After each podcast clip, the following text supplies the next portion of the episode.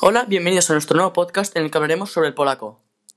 El polaco es un idioma que proviene del tronco indoeuropeo, más concretamente de la rama del eslavo.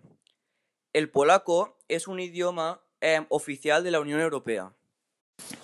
El polaco tiene aproximadamente 50 millones de hablantes y, y es el idioma más hablado en ocho países diferentes, entre los que se encuentran Polonia, Lituania y Bielorrusia.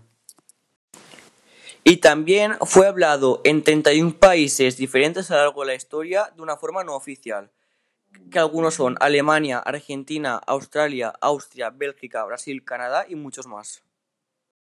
Alguna curiosidad sobre el polaco es que les encanta hablar en diminutivo. Por ejemplo, a veces en vez de decir casa, dicen casita, o en vez de decir coche, dicen cochecito. Eso en el idioma del polaco está muy normalizado, ya que es una forma de aprender a hablar en polaco. Otra curiosidad del polaco es que en polaco los acentos se ponen la C, la N, la O, la S y la Z. Mam nadzieję, że ci się tam podobało. Que en castellano significa Espero que os haya gustado este podcast.